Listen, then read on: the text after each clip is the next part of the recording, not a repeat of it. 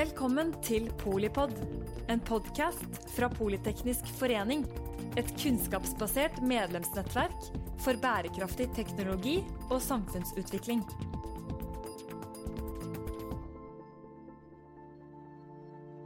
Velkommen til eh, Polipod eh, fra Arendalsuka, nærmere bestemt eh, Polipolitikk. Vi har eh, Tina Saltvedt, eh, sjefsanalytiker i eh, Nordea for bærekraftig finans. Og vi har Nina Jensen, CEO i Rev Ocean. Sier du Rev, eller sier du REV, eller hvordan sier man det? Sier Rev Ocean. Rev Ocean, da har vi i hvert fall lært noe allerede. Ikke sant? Jeg er Mette Vågnes Eriksen, er generalsekretær her i Politeknisk forening. Um, hvordan er det Altså, skal vi ta bølgen nå for eh, bærekraftig finans? Hvordan ser det ut eh, der ute og her hjemme, Tina? Vet du hva, det ser mye bedre ut. Men bølgen er det for tidlig å ta ennå. Det må vi jo fastslå.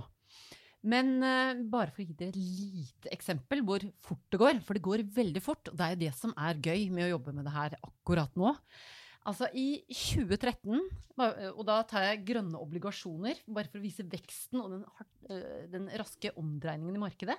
I eh, 2013 så var det utstedt ca. 12 milliarder dollar eh, grønne obligasjoner.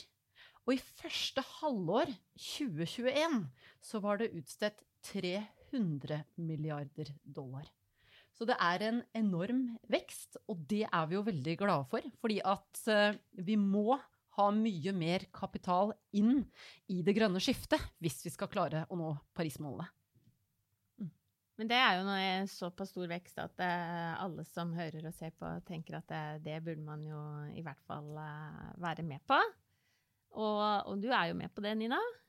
Ja, absolutt. Eh, Men jeg tenker jo at, eh, som Tina, at eh, det er ikke, det er ikke måned for å ta bølgen ennå. Det, det trengs en eh, tsunami for å få til det formidable grønne skiftet som vi må igjennom.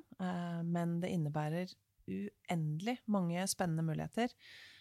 Både for bedre arbeidsplasser, mer verdiskapning, og samtidig som du løser formidable samfunnsutfordringer. Så det er jo bare å komme i gang. Men allikevel så skjer det jo ikke helt sånn av seg selv, da. Nei, det gjør jo ikke det. eh, Og det er klart det har vært eh, frustrerende eh, for mange av oss, tror jeg, som har forsøkt å jobbe med politikken i en endeløs årrekke for å få det til å være på plass, i hvert fall. Nå setter jeg mye større lit til finansmarkedet og til private næringslivsaktører, for at det faktisk er de som kommer til å løse oppgaven. Og det samarbeidet er vel eh, dere to eh, de ypperste eh, si, dronningene for, vil jeg si. Ja, det håper vi jo. Ja. Ja, altså Det er jo veldig spennende å se akkurat det samarbeidet. Fordi at uh, vi kan jo nudge litt på hverandre uh, i begge retninger her. Vi prøver jo å sette økte krav til de selskapene som vi jobber med. Både når vi investerer i selskaper og låner ut penger. Og det vi setter krav, er jo i økende grad at de selskapene som skal få tilgang til kapital, de må eh, ha en forretningsstrategi som tar oss til Parismålet. Og det gjelder jo ikke bare de selskapene vi jobber med, men det gjelder jo oss også. Og det er jo der vi, har, eh, vi kan eh, dytte litt på hverandre. Det er jo nettopp fordi at våre kunder må stille krav til oss i finansnæringen også. Slik at vi lager de produktene som faktisk trengs til å nå det målet. Men det er jo det som er fint, og, og som man i økende grad ser, er jo at eh, investorer eh, stiller i økende grad de kravene til objektene de skal investere i.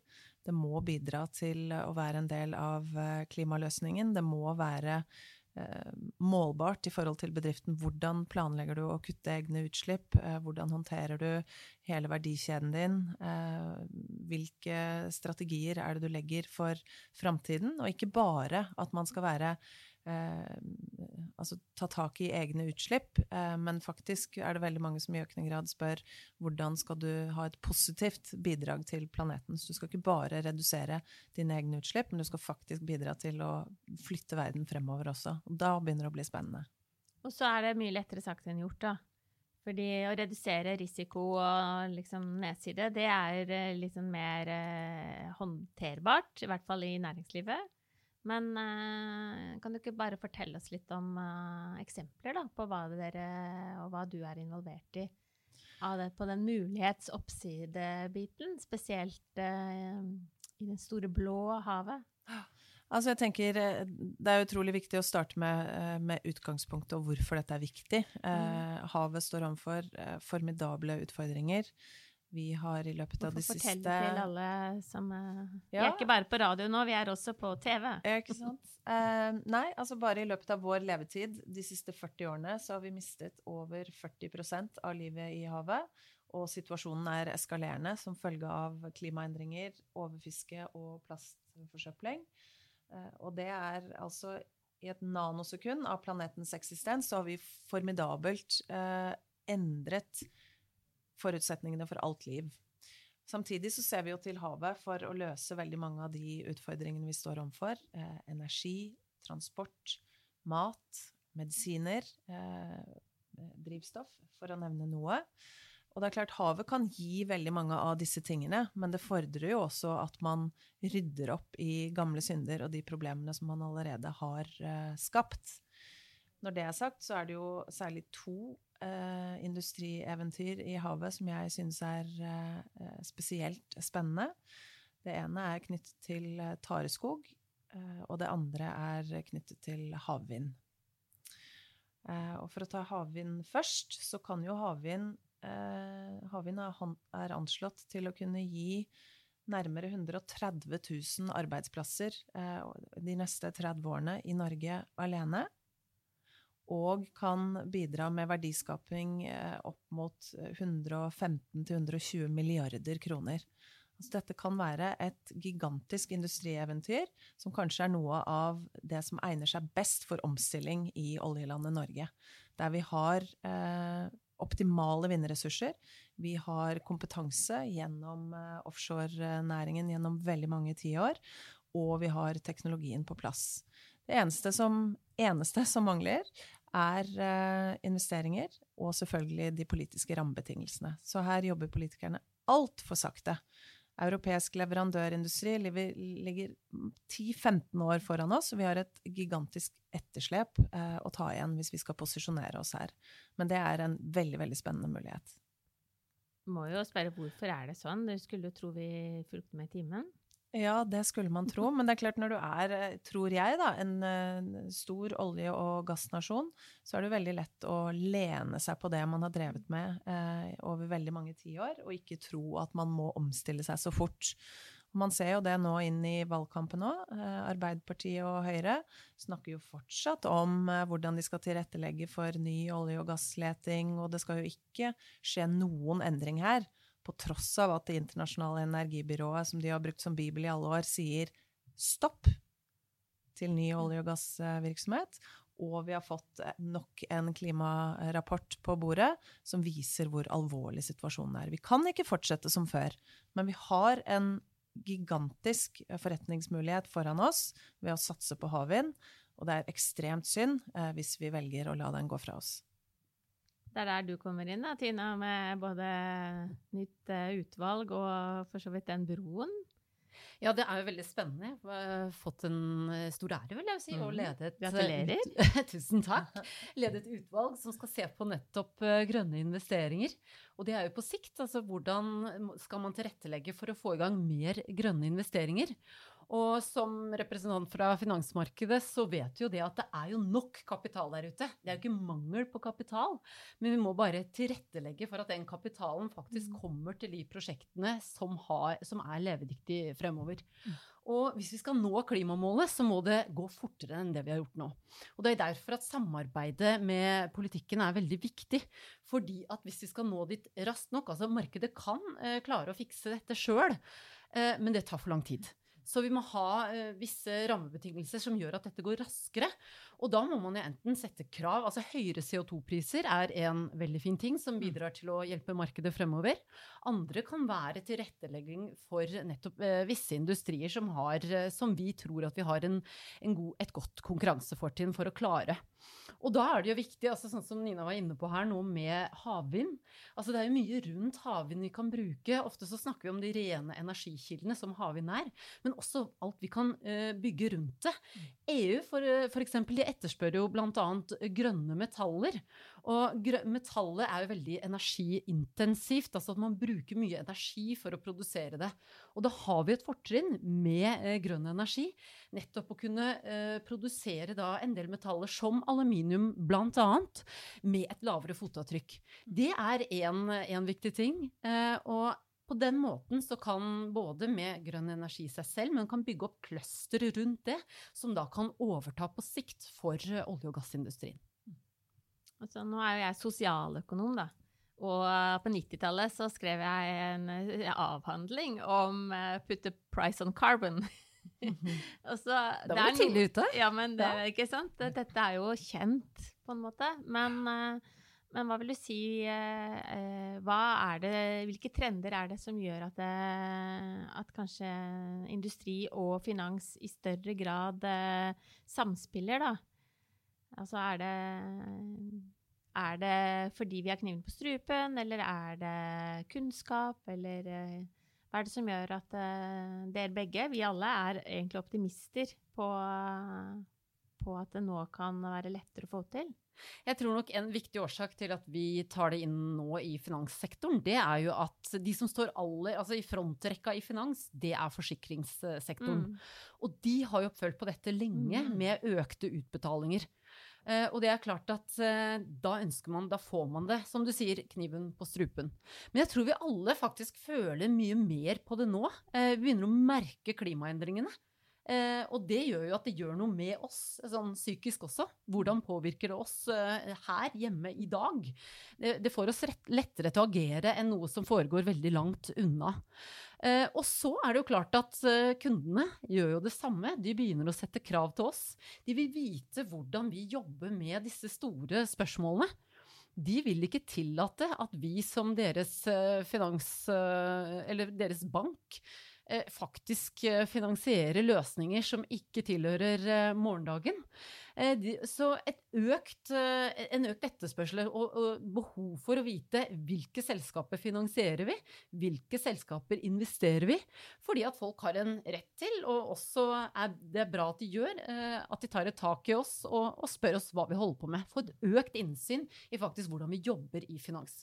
Og det er viktig for oss også etter finanskrisen, fordi at da ødela vi litt av den tilliten som er helt vesentlig for å få eh, kapitalmarkedet til å fungere. Den ødela vi, og det, den tilliten er vi nødt til å bygge opp igjen. Og Derfor så må vi være veldig tydelige på hva vi gjør. Uh, og da er jo nettopp det å kunne begynne å prise inn, for der har vi jo bomma. Eh, vi har jo, og det er jo litt derfor vi har havna der vi er i dag. Mm. Det at vi har ikke satt en pris på de negative effektene det har med å leve sånn som vi gjør i dag. Og det er det vi nå må prøve å rette opp, så vi må begynne å mm. få inn den prisen i beregningene våre. Og se på risikoen. Hva skjer hvis vi ikke når Parisavtalen? Men også hva skjer med min bedrift hvis vi gjør det? Hvilke muligheter ligger der for meg? Så den endringen den er i gang og er utrolig spennende.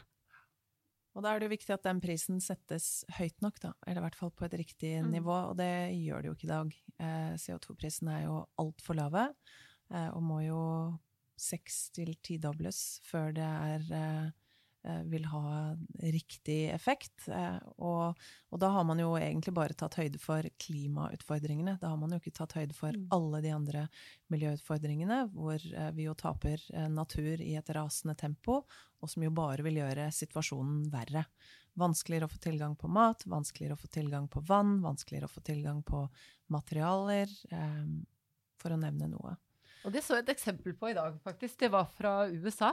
Tørken som har vært der borte nå, da var det Altså, folk tenker jo ofte på olje- og gassindustrien, som kanskje er de sektorene som blir rammet. De er vi på en måte klar over. Mm. Men da var det Det var faktisk sushiproduksjonen i California. Fordi at tørken bidro til både at elvene var blitt ganske tørre, slik at laksen Altså rett og slett eh, tilgangen først eh, på det å dyrke risen var vanskelig, men også at eh, vannstanden begynte å bli så lav hav, at det var eh, fare for overopphetning der laksen var. Eh, og den type problemstillinger den har vi ikke engang kommet til å få en oversikt over. Vi begynner å få en bedre oversikt over en del av energispørsmålene, og det er jo vesentlig her i Norge. Men mange andre innfallsvinkler til akkurat denne problemstillingen, det, det kjenner vi faktisk ikke til ennå. Og det er jo derfor det er uh, utrolig viktig at det blir stilt uh, strengere krav til åpenhet, til uh, rapportering. taksonomien i EU er jo sånn sett ekstremt viktig. det at selskaper må bli mer bevisst på det fotavtrykket de har, ikke bare på klima, men på også andre områder. De ressursene de forbruker, hvordan de skal sørge for å omstille seg til et mer sirkulært system, der de ikke forbruker mer enn de klarer å reprodusere eh, ta ansvar for avfallet og forurensningen de produserer osv., eh, er eksepsjonelt eh, viktig. Og så tenker jeg også på en viktig, du, du er jo samfunnsøkonom. Eh, for dette med arbeidsplasser er jo helt vesentlig her. Og du var inne på hva bare havet alene kan skape. Men det som er viktig her, er jo også at selvfølgelig er det jo mange som føler seg truet av det. Eh, nettopp fordi at det er visse industrier som må eh, bygges ned, eller næringer som må bygges ned. Men andre skal jo opp. Og det er jo det å kunne om, eh, omstille eller flytte på både kapital og arbeidskraft og, og, ikke minst teknologi til de områdene som vi, en, eh, som vi virkelig har en, en, god mulighet for å klare. Og det er jo det som er spennende i det hele her. Fordi at du kan skape mange nye arbeidsplasser nettopp i både det sirkulære, eh, men også da i de nye næringene som skal opp. Og, og det er derfor altså denne trusselen eh, Jeg tror vi også må tenke på, på, på, de mulighetene mm. som ligger der, som er veldig viktige, egentlig. Spennende. Og så er det kanskje noe med Nå er jo dette um, mer en, en, politisk runde enn vi vanligvis har som, som på en måte teknologer. Men um, i en sånn polipolitikksetting, da, hva hva med Hva vil dere anbefale politikerne i, i forhold til uh, forutsigbarhet og langsiktighet og prioriteringer? Og er dere fornøyd med det de faktisk snakker om når de, i valgkampen i år, eller eh, er det liksom noe som mangler? Ledende spørsmål. Ja, men et veldig godt et. Eh, ja, det er jo mye som mangler, og det viktigste mangler. Vi har jo eh, ikke sett så mye av eh, klima- og miljøspørsmål eh, til nå i, i partilederdebattene, og ei heller virker det som det er noen av de store partiene som ønsker å posisjonere seg på det, som jeg tror er et gigantisk feilskritt fordi næringslivet er opptatt av det, eh, og eh, finansaktørene også. Da må også politikerne, særlig fra Arbeiderpartiet og Høyre, være opptatt av det. Hvordan skal vi nå faktisk eh, omstille oss som vi vet at vi må, men som også innebærer kjempespennende muligheter for Norge? Hvordan skal vi gjøre det på best mulig måte? Hvilke politiske reguleringer eh, kommer de til å legge til rette for? Hvordan skal det eh, investeres i dette? Hvilke arbeidsplasser er det som skal skapes over de neste eh, fire, fem, ti årene? Eh, og det er det jo det partiet som vil eh, sitte med styringa etter valget, som kommer til å få ansvaret for å legge til rette for. Og det, vi har ikke tid å miste her. Det er ikke noe sånn at man kan overlate det til eh, noen i framtiden. Det må skje her og, og nå. Og jeg tenker også at det er jo Vi vet jo egentlig hva vi må gjøre. Vi har til og med satt oss mål på hvor vi skal hen. Vi skal nå omtrent netto null, det har vi jo sagt. Og, og vi har også et mål for 2030 hvor vi skal eh, kutte et sted mellom 50 og 55 eh, av utslippene. Da må vi bare følge opp på de målene. Eh, begynne å levere på de, for vi er ikke i nærheten av å nå de ennå. Så gjør ord til handling. Og det er jo ganske pinlig at Norge er et av de få landene i Europa der vi fortsatt henger etter med å kutte våre egne utslipp. Altså, vi har eh, ressursene, eh, vi har eh, kapitalen, vi har menneskene. Vi burde jo ligge i front hva gjelder hvordan vi ikke bare skal kutte våre egne utslipp, men hvordan vi kan gjøre det til en forretningsmulighet å kutte utslipp andre steder. Og da må man jo satse på altså, Vi ser jo en, en, økende fremvekst av spennende initiativer både innenfor hydrogen, ammoniakk, karbonfangst, havvind andre fornybare satsinger, batterier, eh, for å nevne noe. Så det er jo eh, Selskapene selv, gründerne, eh, næringslivet, ser jo dette nå. hvordan skal politikerne da følge opp og sørge for at dette eh, skjer i et spennende samspill, og at det skjer raskere? Og i tillegg, Vi vet jo også at EU er jo vår aller viktigste handelspartner. EU og UK, eller Storbritannia må jeg si nå. Rundt 80% av vår verdi i eksport gikk jo nettopp til disse to områdene. Og når de har så storstilt omlegging og er i full gang med det, da må vi se på de mulighetene som ligger der. For vi har jo faktisk altså vi har en høyt utdannet arbeidskraft, vi har en fleksibel arbeidskraft, vi har kapital. Vi har jo et ressursgrunnlag som bygger opp om at vi faktisk kan levere ganske mye av de tingene som EU trengs. Så hva stopper oss? Ingenting stopper disse damene, det er helt sikkert. Det er jo, eh, og det er jo herlig å stoppe på liksom, eh, når bølgen går opp. Og jeg ser for meg at vi kan eh, surfe den ganske langt og, og rolig inn i land en eller annen gang. Det er jo mye vanskeligere å surfe enn det ser ut som. I hvert fall eh, på bølger. Så, men jeg vil bare takke for eh, optimistisk og alvorspreget, vil jeg si, innspill til eh, hvorfor vi faktisk eh, må og kan, og hvor kult det vil bli å satse på da, eh, klimainvesteringer og havøkonomien. Takk til eh, Tina Saltvedt, sjefsanalytiker for bærekraftig finans i Nordea. Takk til Nina Jensen for, som Eh, CEO i eh, Rev Ocean. Og tusen takk til deg som eh, hører på og ser på, og kanskje du har notert deg noe bak øret selv i forhold til den bølgen du vil ta, når ingenting stopper heller ikke deg. Takk for at du lyttet til Polipod fra Politeknisk forening. Få med deg flere episoder, eller bli med på nettverksmøtene som du finner på at polyteknisk.